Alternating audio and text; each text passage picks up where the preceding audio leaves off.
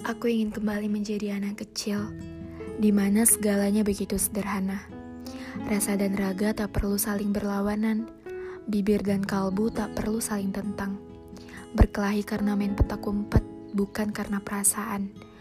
Yang diperebutkan adalah mobil-mobilan, bukan pacar orang lain. Yang dikoleksi adalah robot-robotan, bukan mantan kekasih. Bersedih karena putus benang layangan, bukan karena putus cinta. Menangis karena melukai lutut, bukan karena melukai hati. Semakin dewasa, semakin banyak pertimbangan yang terjadi dalam hidup kita.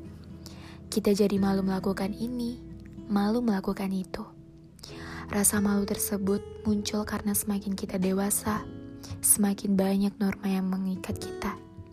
Kita jadi malu berpendapat karena takut pendapat kita dicemooh jadi malu beraksi karena takut aksi kita dibilang pencitraan.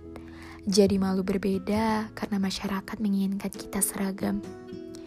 Aku tidak berkata bahwa kita bebas melakukan apa pun tanpa merasa malu. Bukan itu. Aku hanya berkata bahwa jika kita merasa hal tersebut tidak bertentangan dengan hati nurani kita sendiri, kenapa harus malu? Kenapa harus terus-terusan memikirkan apa pendapat orang lain? Robot di tangan kiri, monster di tangan kanan. Kasur menjadi kota tempat mereka bertempur. Begitu hebatnya imajinasi kita selaku anak kecil, hingga apa pun di sekeliling kita bisa kita jelajahi sebagai dunia baru. Segalanya begitu asing, sekaligus fantastis. Menjadi anak kecil adalah sebuah kemewahan dalam hidup ini. Kita bisa terus bermain hingga mengantuk dan ketiduran di sofa kita bisa terbahak-bahak bersama teman-teman tanpa harus ada rasa curiga apa motif mereka dekat dengan kita. Kita bisa bertanya ini dan itu tanpa harus takut apakah pertanyaan tersebut membuat kita terlihat bodoh atau tidak. Yang terpenting, kita bisa menjadikan dunia ini taman imajinasi kita sendiri. Dan tatkala dunia terlalu kejam, ibu akan memeluk erat. Bermain boneka atau robot-robotan di depan orang lain tentu akan sangat konyol Aku tidak menyarankan itu. Dan tentu saja, kita tak akan bisa kembali menjadi anak kecil.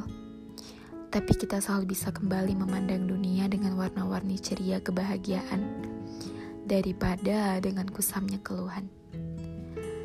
Kita selalu bisa kembali berani berpendapat, bertanya, dan beraksi daripada hanya berdiam diri mengikuti arus. Kita selalu bisa kembali berbagi tawa dengan orang-orang di sekeliling kita, tanpa harus sibuk memikirkan apa latar belakang, ras, agama, dan motif mereka.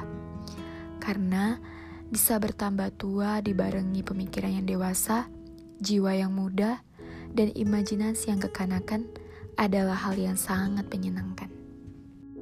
thank you